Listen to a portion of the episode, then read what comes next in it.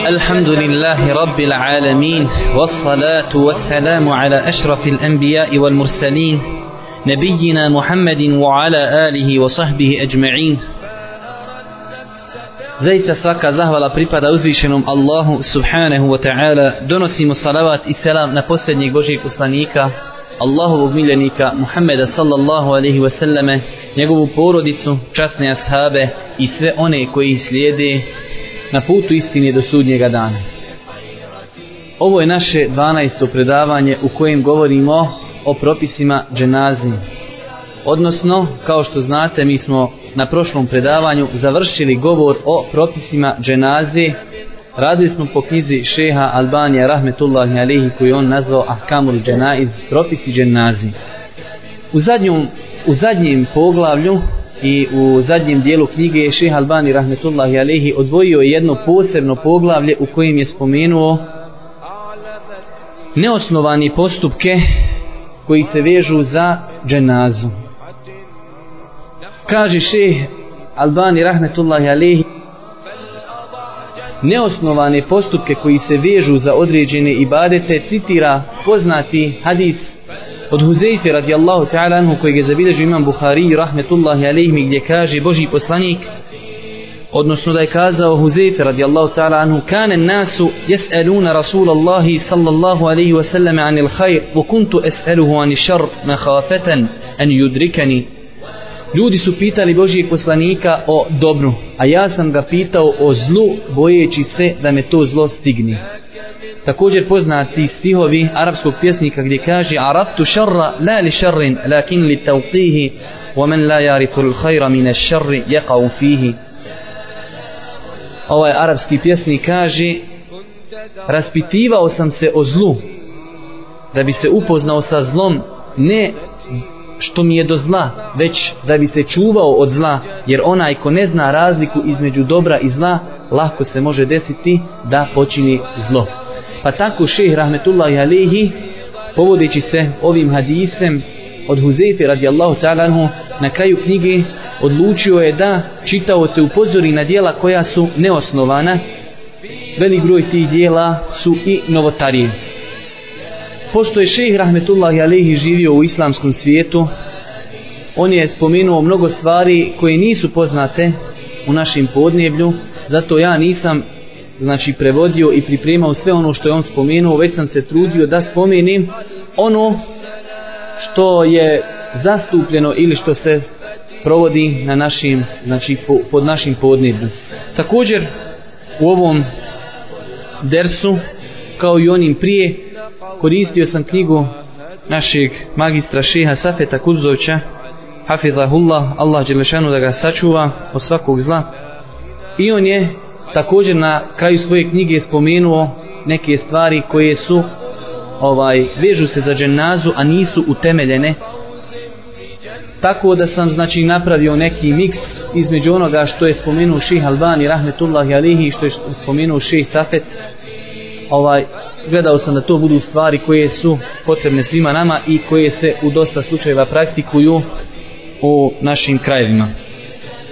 Šeha Albani rahmetullahi alihi prije nego što je počeo ukazivati na te stvari koje su neosnovane, a vežu se za dženazu, spomenuo je pravila i kawaid, znači pravila na osnovu kojih će on ukazivati da neka stvar nije osnovana. Pa je spomenuo šest ili sedam pravila na osnovu kojih će on određivati da djel, neko dijelo koji se veže za dženazu, a i za ostale ibadete, nije od tog ibadeta. Pa kaže, prvo pravilo na osnovu kojeg će on određivati da neko dijelo nije u, ovaj vezano za dženazu jeste sve ono što je u koliziji ili kontradiktornosti sa sunnetom od dijela, riječi, ubjeđenja, pa makar to bio i nekog muštehida. Znači kaže šeh rahmetullahi alihi sve one stvari koje se krše sa sunnetom Božijeg poslanika od dijela riječi pa makar to bio i štihad nekih muštehida on je to smatrao da treba da ukaže na te stvari. Druga, drugo pravilo svako dijelo kojim se ljudi približavaju Allahu a poslanik ga je zabranio. Znači kaže šehr rahmetullahi alihi u ovom nastavku ću ukazati na svako dijelo koje ljudi smatraju da je ibadet a ono je u osnovi zabranjeno, Boži poslanik sallallahu alaihi wasallam ga je zabranio. Treće pravilo, svaka stvar ili dijelo koje nije moglo biti propisano ili uzeto osim iz šerijatskih tekstova, a nema šerijatskog teksta koji ukazuje na to. Znači kaže šehr Rahmetullah Jalihi, ukazat ću na svako dijelo koje nije moglo nikako da se uzme kao dokaz u šerijatu osim da je na to ukazao Kur'an ili sunnet Božih poslanika sallallahu alaihi wasallam argumenti šerijata. A kaže, pošto nemaju argumenti za ta određena dijela, onda će on ukazati na njih da su neosnovana. Četvrto pravilo, ono što se zalijepilo u ibadet, a ono je ne, od nevjerničkih običaja. Znači kaže ukazat ću na sve one stvari koje, se zalijepilo za, koje su se zalijepile za ovaj ibadet, a to je dženaza, a to su u osnovi nevjernički običaji. Peto pravilo, ono što su smatrali učenjaci pohvalnim, a ne postoji dokaz za to. Znači, kaže šehr Rahmetullah Alihi, ukazat ću na ona dijela koja su islamski učenjaci smatrali pohvalnim, ali za te stvari nisu imali validne argumente. I zaista dosta puta kada čovjek čita knjige prava, mesevske knjige, naći će da dosta puta ljudi kažu da je nešto pohvalno, ali kada čovjek potraga za dokazom Jer ne može se kazati za neku stvar da je pohvalna osim ako za to postoji argument. Vidi dosta puta da za određene stvari ne postoje argumenti. I, odnosno, ima još, znači, šesto pravilo, svaki ibadet, znači čiju kakvoću upućuje daif hadis ili apokrifan. Znači, kaže šeh Rahmetullah Ali, ukazat ću na sve one stvari koje se pripisuju da su džen, od dženaze, a na njihovu, znači, propisanost je ukazao daif hadis ili apokrifan, što znači Dosta puta smo govorili da se daif hadis, a naročito apokrifan hadis, ne može koristiti kao validan argument u šerijetu. Također sedma, sedmo pravilo, kaže šeh Rahmetullahi Alihi, ukazat ću na sve one stvari koje su nastale kao plod pretjerivanja u vjeri. I ovo smo pravilo i zadnje pravilo, svaki ibadet koji je zakonodavac ostavio općenito, a ljudi su ga ograničili nekim odrednicama, kao mjesto, vrijeme i način. Znači, šehr Rahmetullahi Alihi u zadnjem ovom pravilu kaže ukazat ću na sve one stvari koje je šerijat, mudri zakonodavac Allah subhanahu wa ta'ala ostavio općenite. A ljudi su ih ograničili nekim odrednicama kao što je mjesto, vrijeme ili način. Znači, poznato je kada doje neki općenit ibadet da ne može niko da ga ograničava osim sa validnim argumentima. To je znači nešto kao uvod što je spomenuo šeh Rahmetullahi Alihi. Nakon toga prelazimo na onaj bitni dio našeg predavanja, to je spominjanje konkretnih stvari koji se vežu za dženazu namaz, a one su neosnovane, a velik broj njih se može smatrati i novotarijom. Prije nego što počnemo, možemo spomenuti, ako Bog da, da je ovo zadnje predavanje koje smo pripremili iz šehove Rahmetullahi Alehi knjige, sutra ćemo nakon predavanja koje bude nakon jacije za braću održati još jedno predavanje vezano za dženazu, a to je da sam ja pokušao spomenuti neke fetve od ših, šiha Bin Baza, šeha Ucemina i stalne komisije koje je šeha Rahmetullah Jalihi nije spominjao, znači neke propise koji su promakli šehu Albaniju ili da potvrdimo neke stavove koje šeha Rahmetullah Jalihi zastupa u ovoj knjizi, a nekada i da spomenemo neke fetve znači u kojima se ovi učenjaci nisu složili sa šehom Albanijem rahmetullahi alihi. Sutra ćemo ako Bog da znači imati 14. predavanje i to će ako Bog da uz Allahu subhanahu wa ta'ala pomoć biti zadnje predavanje vezano za ovu veoma bitnu tematiku, znači koja je od nas uzela 14 predavanja. Pa šeh rahmetullahi alihi počinje nekim redoslijedom onako kako je pisao ovu knjigu. Pa počinje prvo da spominje neosnovane radnje, prije smrti. Pa kaže šeh Rahmetullahi Alehi, prva stvar, odnosno ovo je znači sad redoslijed kojim sam ja redao ove stvari, jer nekada kada preskočim neku stvar, normalno da će se brojevi poremetiti, ali znači ja sam držao se svog tog nekog redoslijeda. Prva stvar, stavljanje mushafa kod glavi onoga kome su nastupile smrtne muke. Znači poznato je da ima osoba koji smatraju da je to ibadet kada čovjeku nastupi smrtne muke, da bi mu olakšali te njegove smrtne muke donesu i stavi mushaf kod njegove glavi. Znači to ših rahmetullahi Alehi spominje da je neosnovana stvar. Učenje sure Jasin kod njega. Mi smo radili, znači to je broj 2, učenje sure Jasin kod osobe koji su nastupile smrtne muke. Mi smo ovo pitanje malo detaljnije obrađivali, spomenuli smo da ših rahmetullahi Alehi je preferirao to mišljenje da hadis koji ukazuje na to da se uči sura Jasin kod onih osoba kojima su, kojima su nastupile smrtne muke je hadis daif. Iako ima učenjaka koji su to smatrali validnim i to ne mal broj učenjaka koji su zagovarali da se uči sura Jasin kod osobe koji su nastupile smrtne muke. Čak sam šehu Sejmin rahmetullahi alehi kaže Smatrao je da to dijelo nije propisano, ali kaže ako neko smatra da je, da je taj hadis vjerodostojan, onda mu je dozvoljeno raditi po tomi. Ali znači vidimo da šeh rahmetullahi alehi smatrao je tu stvar neosnovan. I treća stvar u ovom poglavlju, znači vezana za neosnovane stvari prije smrti, jeste okretanje Medjita u pravcu kibli. Sjećate se da smo mi u prvim našim predavanjima govorili o tome da je šeh rahmetullahi alehi smatrao da to nije osnovano i naveo je predaju od Ibnu Musejiba, rahmetullahi alihi, to je jedan veliki tabi'in, koji je negirao kada su njega okrenuli prema smrti, znači kada su nastupile smrtne muke, pa je pao u komu, pa su ga okrenuli, okrenuli prema kibli. Pa kada je došao sebi, znači osudio je to što su ga okrenuli prema kibli.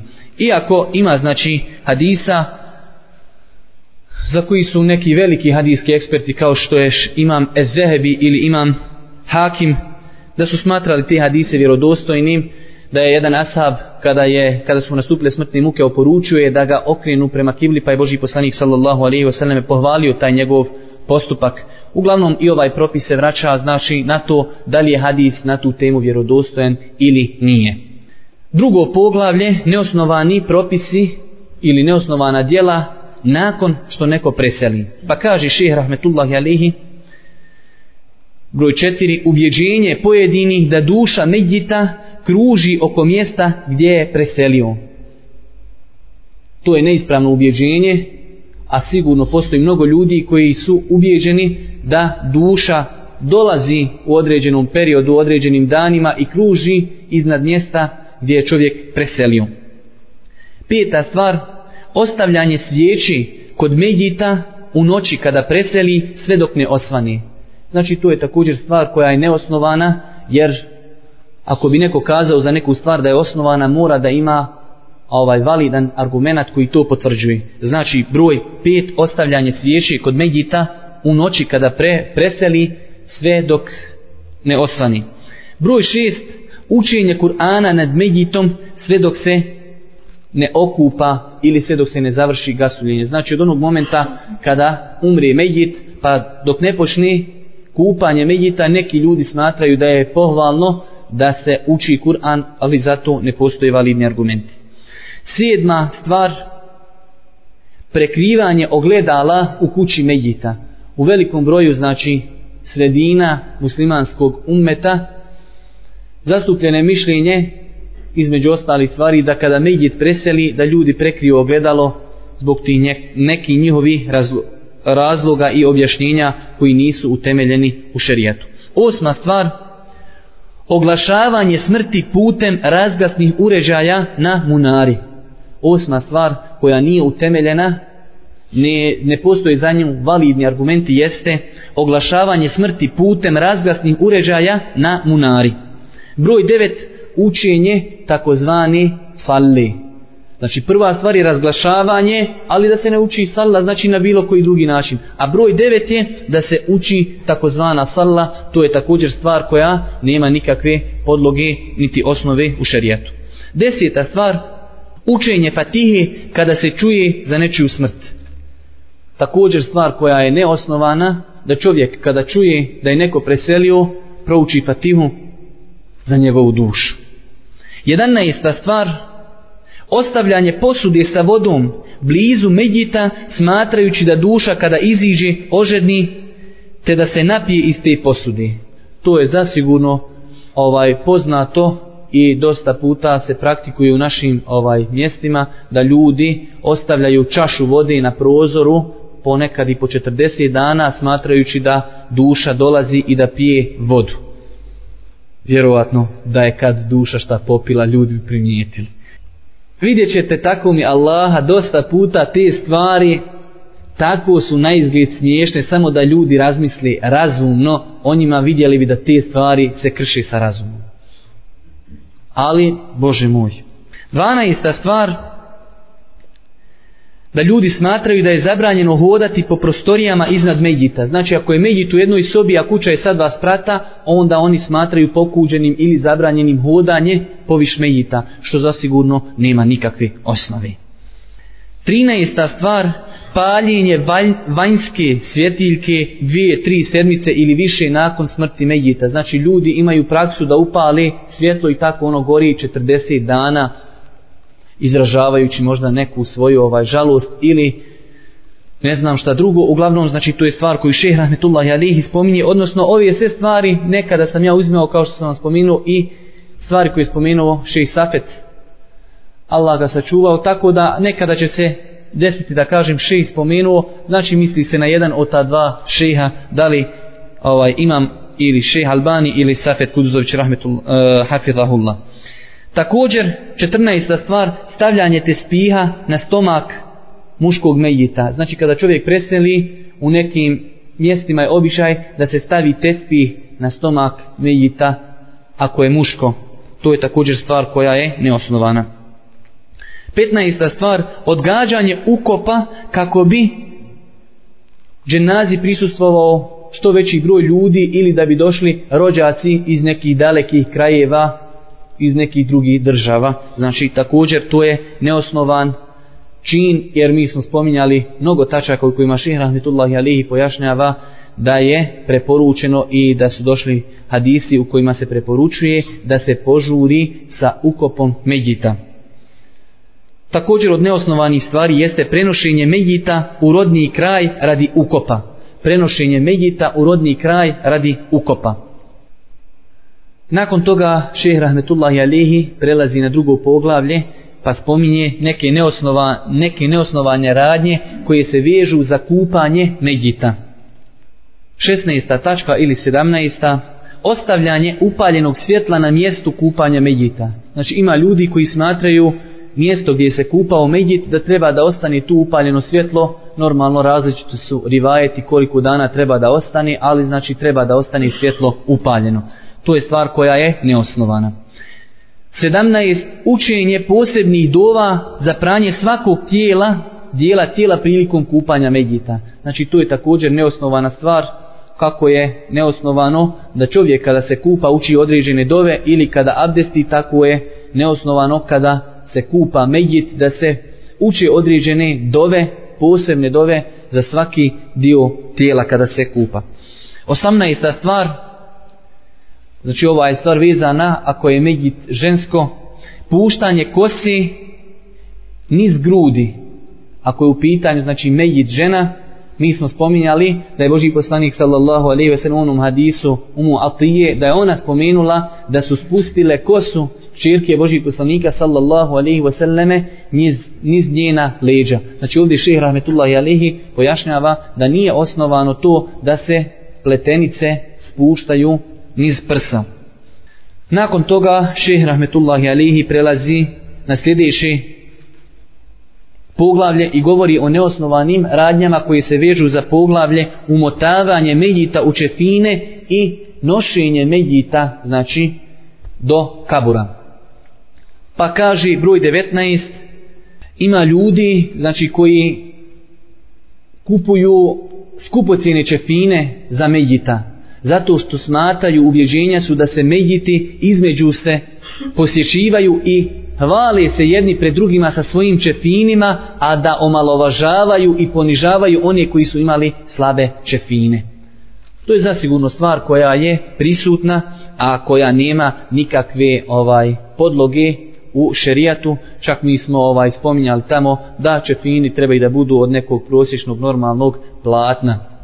20. tačka pisanje dova na čestinima. Ja ne znam da je to kod nas nešto zastupljeno, ali eto, preveo sam to čisto da ovaj ako bi se čovjek kada sreo sa takvim stvarima da zna da su to stvari koje nemaju ute, um, utemeljenja. 21. stvar nošenje turbana na štapu pred dženazom. To bi se moglo ismatrati i da je zastupljeno kod nas i da nije, ali u svakom slučaju to je stvar znači koja nije utemeljena u šerijetu. 22. Nošenje slike medjita ispred dženazi.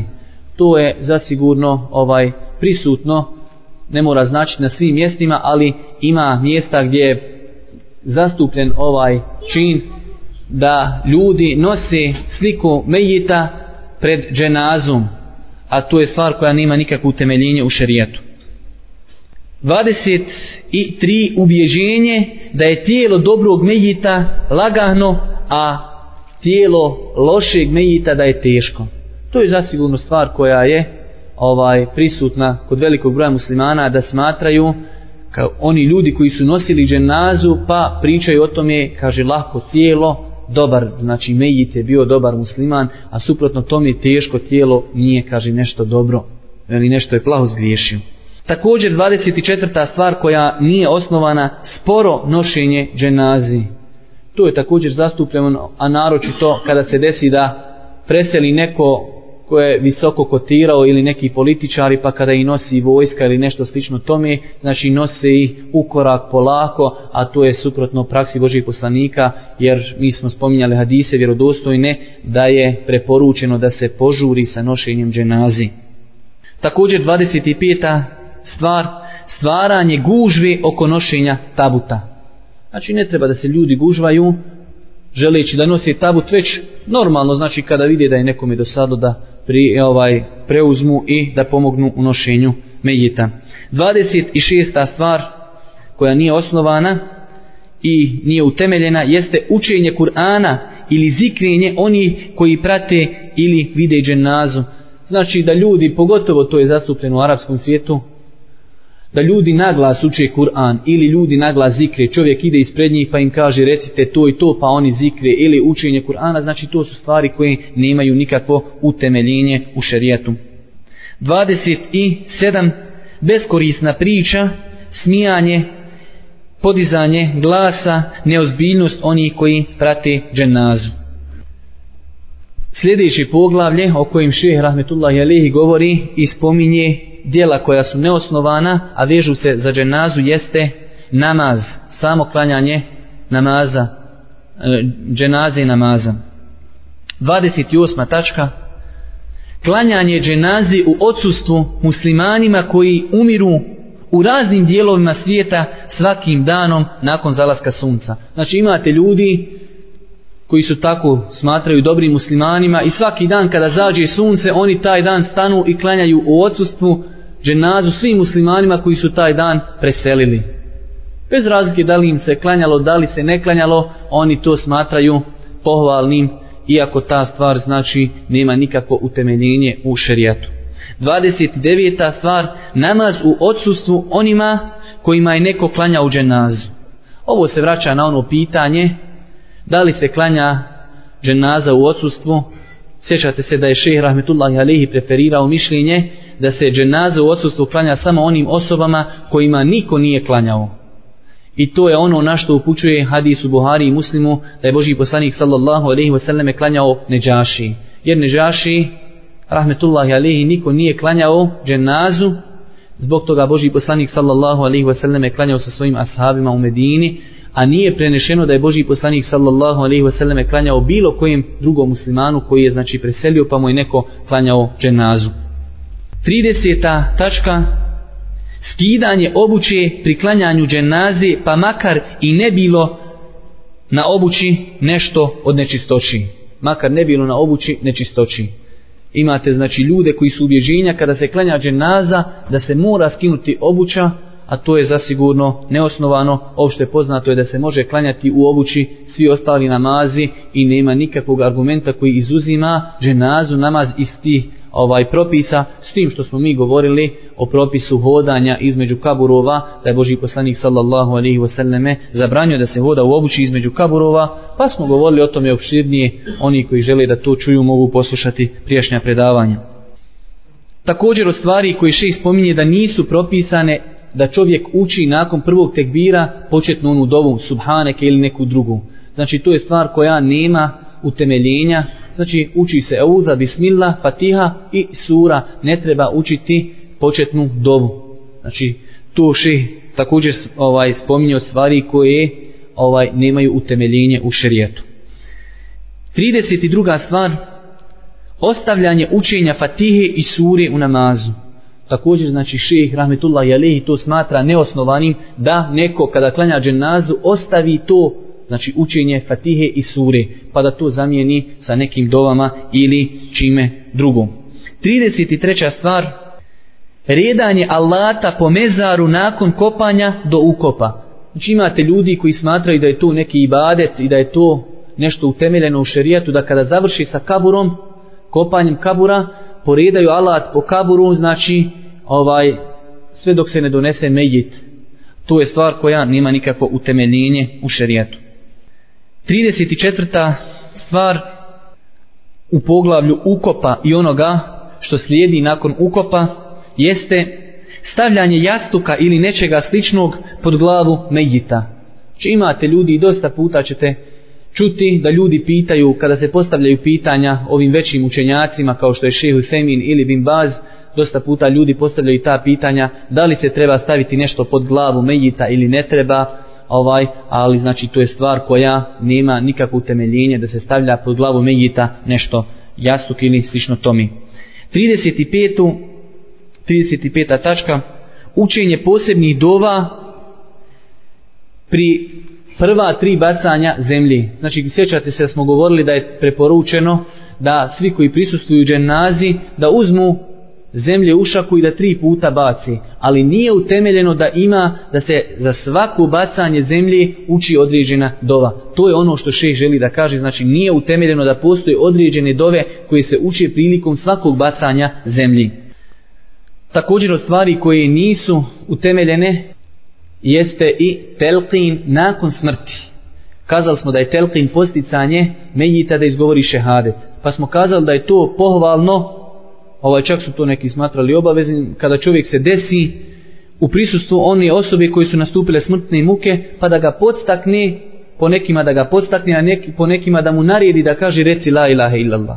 Ali ovdje mislimo na telkin nakon smrti, nakon što se zakopa Mejit, znači, ima praksa u određenim zemljama ili mjestima da ljudi nakon ukopa ostavi nekog ko razgovara kao navodno s mejitom pa mu kaže reci la ilaha illallah i tako neke te stvari. Znači, ovaj to nema utemeljenja u šerijatu i oni argumenti koji ukazuju na to ne mogu se koristiti kao validni argumenti u šerijatu.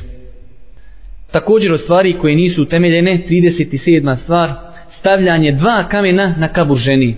Ovo ćemo inšala sutra pojasniti, ovaj, kada budemo čitali fetve, šta se ovdje podrazumijeva, to je da se pravi razlika između kabura žene i muškarca tako što će se na kabur žena stavljati dva kamena, a na kabur muškarca jedan kamen. A to je šeh htio da kaže, znači, da nije osnovano da postoji razlika između kabura muškarca i ženi, tako što će se stavljati na kabur ženi dva kamena, a na kabur muškarca jedan. Znači, ili stavi dva kamena i na muška, e, kabur muškarca i žene, ili znači da, da nema razlike. Iako vidjet ćemo sutra, znači, kada budemo čitali te fetve, ovaj, da, kako su šehovi odgovarali na ta pitanja. Također, od pogrešnih stvari koje nemaju utemeljenje jeste da ljudi smatraju obavezno stavljanje prvog buse na zemlji u mezar pri zatrpavanju.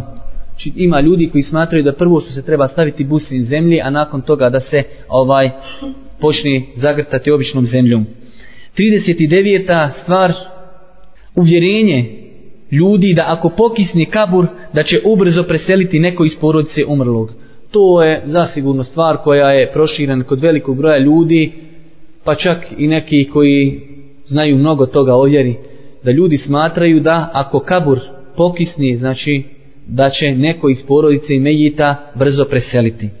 40. stvar koja nije utemeljena uvjerenje da ako se mezar poprska vodom nakon ukopa da neće niko ubrzo umrijeti. Znači ako pop, čovjek dođe i donese vode i zaista, zaista smiješne stvari, a vjerujte da ovo, ovo što je šeh Rahmetullah Ali spominjao, to je uzeto iz knjiga hajde da kažemo starih knjiga učenjaka koji su govorili o novotarijama. I to su stvari koje su već odavno, odavno prisutne među muslimanima. A zaista kada bi malo čovjek razuman razmislio šta može značiti Allahovom kaderu da neko donese kantu i vode i poprši malo kabur. Znači ako je bilo propisano da neko od porodice Mejita sutra ili prekustra preseli ako ti popršiš kabur vodom, znači time si njega spasio. Zaista to stvari koje razumom si kako mogu dokučiti da su neosnovane. 41. stvar obavezno spuštanje alata kojim se zatrpa je mezar na zemlju prije nego drugi uzme. To je opšte poznato i mnogo rašireno kod ljudi, da ljudi neće da uzmu halatku, znači iz ruke, već treba da se spusti na zemlju i nakon toga ovaj da je do, preuzmu. Stvar koja nima nikakvo utemeljenje, a mnogo, mnogo proširena ovaj kod muslimana. 42. stvar, ukopavanje mejita sa tabutom ili sandukom. 43. stvar, učenje zadnjih sura nakon ukopa. Znači nakon što se ukopa mejit, da ljudi sjednu na kaburu i da prouče zadnje sure iz Kur'ana, znači to je stvar koja nema nikako utemeljenje u praksi Božih poslanika, sallallahu alaihi ve selleme. 44. stvar, dova usmjerena prema kaburu, pa makar to bio kabur poslanika. Znači mi smo o tome govorili da čovjek ako dođe na mezarluke i želi da uputi dovu za stanovnike tog mezarja, da će se okrenuti prema kibli. Ni u kom slučaju da se okreće prema kaburu, znači pa čak vidite ovdje da se iz toga ne izuzima ni kabur Božih poslanika, a mi smo baš o tome i govorili, znači da čovjek ovaj kada dođe i posela mi Božih poslanika sallallahu alejhi ve sellem ako u tom momentu želi da uputi dovu iako to nije preporučeno jer to mjesto nema nikakvu znači veću vrijednost od nekih drugih mjesta ali ako će se već okretati i doviti na to mjesto, onda će se okrenuti znači prema kibli, a tada kada se okrene prema kibli, kabur Božih poslanika će mu biti iza leđa. 45. stvar, prskanje kabura supruge vodom, ako se suprug ili muž oženi nakon nje, smatrajući da ta voda gasi silnu ljubomoru ženi. Ovo je stvar zasigurno prisutna na našim podneblju, da ljudi smatraju kada znači se čovjek oženi, da treba otići poprskati vodom kabur njegove prve supruge kako bi se time kao ublažila njena ljubomora. Stvar koja se veoma lako može zaključiti da nema nikakvog utemeljenja u ovoj našoj vjeri. Sljedeći poglavlje u kojem šeh Rahmetullahi Alihi govori ovaj ispominje stvari koje nisu utemeljene, a vižu se za dženazu, jeste izražavanje saučešća. Či vidite kako što prilike ide onim redoslijedom kako je i pisao svoju knjigu, znači pa privodi to kraju i govori u predzadnjem poglavlju o izražavanju saučešća, pa kaže 46. stvar, okupljanje s ciljem izražavanja saučešća. Znači to je stvar koja nije preporučena, niti je utemeljena ovaj na argumentima vjerodostojnim da se ljudi okupljaju na nekom mjestu pa sjećate, sjećate se da smo tamo navodili da li to bila kuća ili džamija ili mezarluci znači da se ljudi okupe s tim ciljem to nije propisano 47. stvar da se ograniči izražavanje saučeša na tri dana to je također stvar koja nije utemeljena već smo kazali da se saučešće izražava sve do onog momenta dok čovjek vidi da će njegovo saučešće imati neki efekat, znači da to nije taj musibe, da nije mnogo zastario, znači da ljudi ipak očekuju da on njima izrazi to neko saučiše. 48. stvar, ugošćavanje okupljeni hranom od strane porodice umrlog. Znači, da porodica umrlog spremi hranu da ljudi nakon ukopa ili prije ukopa se okupe i da ih počasti sa tom hranom, to je stvar znači koja nije utemeljena, pa čak smo mi spominjali da je preporučeno i od sunneta je da rodbina i poznanici komšiluk sprijeme hranu i daruju je, poklone je porodici umrlog, jer oni su u tim momentima zauzeti samim tim što im je neko preselio iz njihove porodici.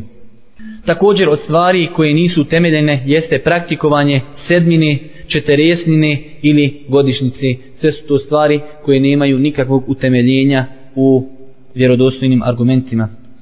50. 50. tačka odaziv na hranu porodice umrlog.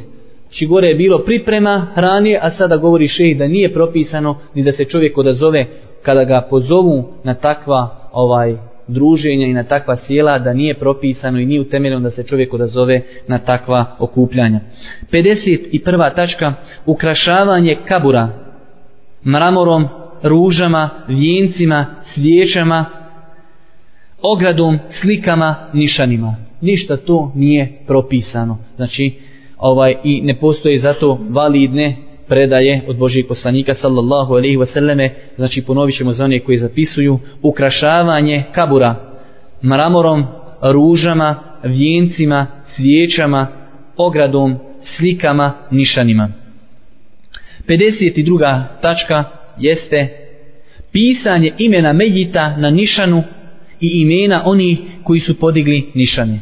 To su također stvari koje nemaju utemeljenja, odnosno čak Boži poslanik sallallahu alaihi wasallam u vjerodostojnom hadisu je zabranio da se piše po kaburovima, to jeste po tim nekim kamenju ili nišanima koji se stavi znači na kabur. S njim sjećate se da je šehr Rahmetullahi alaihi izdvoji jednu situaciju, a to je ako bi se desilo da je mezarluk toliko velak i da ljudi neće moći prepoznati kabur njihovog mejita, da je dozvoljeno da se napiše samo ime znači tog mejita, ali to znači u toj iznimnoj situaciji ako bi se desilo da je toliko znači veliko mezarje pa da neće moći s vremenom znači prepoznati kabur njihovog mejita u toj situaciji znači neki učenjaci su dozvolili i šehr Rahmetullahi Jalehi je preferirao to mišljenje da se može napisati ime Mejita, a ništa više ni ovaj ko podiže ni neki ajeti ili neke stvari druge, znači nema o tom ovaj razilaženje da se te stvari ne pišu. 53. stvar spuštanje jedne ruke a zatim druge prilikom predavanja selama kada se klanja dženaza namaz. To je stvar znači ne da kažem opšte poznata već opšte, opće obavezna da kada se predaje selam kada se klanja dženaza, da se spušta prvo desna ruka, nakon što se preda selam na desnu stranu, a zatim da se spušta desna ruka, to je stvar koja nema nikakvo utemeljenje, znači ruke se spuštaju normalno, zajedno se spuštaju kada se preda selam. I zadnji poglavlje, znači zaboravio sam kazati na početku predavanja da će ovo predavanje biti jedno od kraćih predavanja, ovaj, ostalo još nekih 5-6 minuta ako Bog da, Zadnje poglavlje, oko kojeg šehr rahmetullahi alihi spominje neosnovane ovaj postupke vežu se za dženazu jeste posjeta mezarlucima. Pa kaže šehr rahmetullahi alihi, znači po našem redoslijedu 54. tačka, posjeta mezarlucima na dan Bajrama. Znači da se odrijedi da se svake godine posjećuju mezarluci na dan Bajrama, to je nešto što nema znači argumenata u šerijatu. Da se desi jednom znači da čovjek u životu ode i posjeti mezarluke na dan Bajrama, to nema smjetnji. Ali da čovjek uzme sebi praksu, da svake godine i svaki Bajram odlazi, to ono potpada pod onaj hadis da je Boži poslanik kazao La teđa'lu qabri iden, nemojte uzimati moj kabur za praznik, pa sjećate se govora šehul Islama ibn Temije gdje kaže ako nije dozvoljeno uzimati kabur Božih poslanika za praznik, da čovjek dolazi uvijek u istom danu i da ga posjećuje, onda znači da se zabrani da se uzimaju neki drugi kaburovi je mnogo preči. 54. stvar jeste učenje fatihe mrtvima. To je također stvar koja nema nikakve osnove. 56. Učenje sure Jasin kod kaburova. Također stvar koja nema nikakvo utemeljenje. 57. stvar udjeljivanje sevapa za učinjena dobra djela poslaniku sallallahu alaihi wasallam velik broj ljudi kada uči Fatihu ili nešto slično tome, na početku kaže ovo poklanjamo Božijem poslaniku, pa našim mrtvima, pa šehidima, pa ostalima i onda još nekom mejito, ali znači poklanjanje sevapa, dobrih dijela Božijem poslaniku, sallallahu alaihi wasallam, je stvar koja nema nikako utemeljenje. 58. stvar, davanje novca za učenje Kur'ana. Također stvar koja nema nikako utemeljenje u ovoj našoj vjeri. 59. tačka putovanje kako bi se posjetili kaburovi poslanika ili nekih dobrih ljudi. Sjećate se da smo na jednom od zadnjih predavanja govorili na osnovu onog hadisa da je Boži poslanik kazao sedla se ne pritežu osim zbog posjete tri mjeseca da smo govorili malo opširnije o tom pitanju znači vidimo da ovdje šehr Rahmetullah Jalehi spominje da nije propisano niti utemeljeno to da čovjek posjeti kabur nekog poslanika ili dobrog insana da poduzme putovanje radi posjeti tog kabura. Također od stvari koje su neosnovane, ispominje ih šeh, jeste neokretanje leđa kaburu dobrih ljudi. Neokretanje leđa kaburu dobrih ljudi. To je poznato, pričat ću vam jednu kraću priču, nije duga, ovaj, kada su pitanje ta turbeta, poznato je, ja nisam elhamdula nikad ušao, ali znam da ljudi govori kada se uđe, ne smiješ okrenuti leđa jer hoćete vrata udariti. Ovaj, I ljudi idu i tamo šta već radi, da li dove i ne dove, kada se vraćaju, vraćaju se unazad. Pa znam jednog čovjeka, čuo sam od njega lično gdje kaže, on je sa ocem, još dok je bio dijete, eto, zbog toga što je njegov otac bio vrsni, znači zidar, dali su njima tu počast da oni omalterišu turbe iznutra. Okolo nema problema, ali problem je malterisati turbe iznutra, jer kako malterisati, a da ne okriniš liža ovaj, kabur. I vjerujete li ljudi da, da toliko je to uvježenje da ljudi sa ogledalom bacaju maltu, ali ne smiju se okrenuti leđa ovaj kaburu. Ovo sam ja slušao ovdje u nas u Bosni, znači nije ovo priča negdje iz arapskog svijeta. Od čovjeka koji kaže on sa svojim ocem je to radio. Da se on učestvovao u tom poslu, njegov otac je bio vrstni zidar i sa ogledalom se znači baca malta i tako se to radi. Zato ako uđete gdje u turbe vidite da je herao znači nabačeno, ne nemojte se čuditi. Vi pogotovo koji malo više te stvari pratite. 61. stvar, mislim, zaista, zaista ne treba komentarisati. 61. stvar dovljenje Allahu preko mrtvih. Znači da čovjek dovi mejitu, pa da mejit dovi Allahu subhanahu wa ta'ala, to je taj takozvani tevesul, to stvari koje znači nemaju nikakve podloge ovaj u šerijatu. 62. stvar uzdizanje kaburova i gradnja na njima. Ovdje se misli ono na uzdizanje, ono koje smo mi pojasnili u našim predavanjima, od, znači da se uzdiže sa zemljom, dodatnom zemljom ili gradnjom nekom na kaburu, znači, a vidjeli smo da šehov većini slučajeva preferiraju da je dozvoljeno da se vrati zemlja koja je iskopana, a to što se kod nas ovaj napravi malo nekog propusta što se stavljaju daske, pa onda one zauzmu mnogo više prostora nego što bi trebalo, pa onda zemlja ispadne uzvišena, o tome bi se moglo nešto drugo govoriti. 63. stvar, ukopavanje medjita u mesđidu. Znači, alhamdulillah, to nije kod nas prisutno, ali da znate, znači, to je stvar koja je zabranjena, ali je prisutna u velikom dijelu, znači, tog nekog islamskog svijeta, da ljudi neke svoje evlije i neke svoje šehove nakon njove smrti ukopavaju u džamije. Čak ljudi nekada oporuče nakon smrti, dosta puta ćete čuti u fetvama stalne komisije ili šeha bin Baza, šeha Utemina, da ljudi postavljaju pitanje, čovjek je preselio, oporučuje da nakon njegove smrti ukopa se u džanju, da li će se njegov vesijet ispunjavati. Pa se zna desiti da se ispuni taj vesijet, pa nakon toga ljudi pošalju fetu, pa šta, gradi džamiju, ne gradi, truši, tvadi, meji, taj i tako, da su to mnoge komplikacije. 64. tačka, uzimanje kaburova za praznikovanje. Znači da se dolazi u posjetu kaburovima u određenim vremenskim ovaj terminima. I zadnja stvar, dodirivanje i ljubljenje kaburova zbog blagoslova. Znači da čovjek dodiruje kabur, bilo čiji kabur, bilo koje osobe, ovaj, da ga dodiruje i ljubi smatrujući da je to blagoslovljena stvar, znači nema nikakvog utemeljenja u ovoj našoj vjeri to je nešto čime smo mi zaokružili ovaj naš ciklus predavanja o propisima dženaze. Pravo da vam kažem, ja lično koji sam ovo poglavlje temeljito studirao na fakultetu, okoristio sam se mnogo, mnogo od ovaj ove knjige Šeha Albanija, rahmetullahi alihi, tako da zaista sam, da kažem, sretan što smo uspjeli da privedemo ovaj ciklus predavanja kraju, zaista oni koji su prisutovali redovno mogli su se okoristiti i naučiti mnogo toga. Sutra ćemo ako Bog da kao što sam spomenuo imati jedno predavanje koje se više ne veže za knjigu Šeha Rahmetullahi Alihi, već ćemo spominjati fetve koje su vidjet ćete veoma bitne stvari, ovaj dosta puta, znači nisu spomenute na ovim predavanjima našim, pa ćemo ako Bog da sutra tim predavanjem završiti ovaj naš ciklus u kojim, u kojim smo govorili o propisima dženazi. Na kraju, subhanaka Allahumma da bihamdike, ešhedu in la ilaha illa ente, stavfiruke ve tubu ilijek.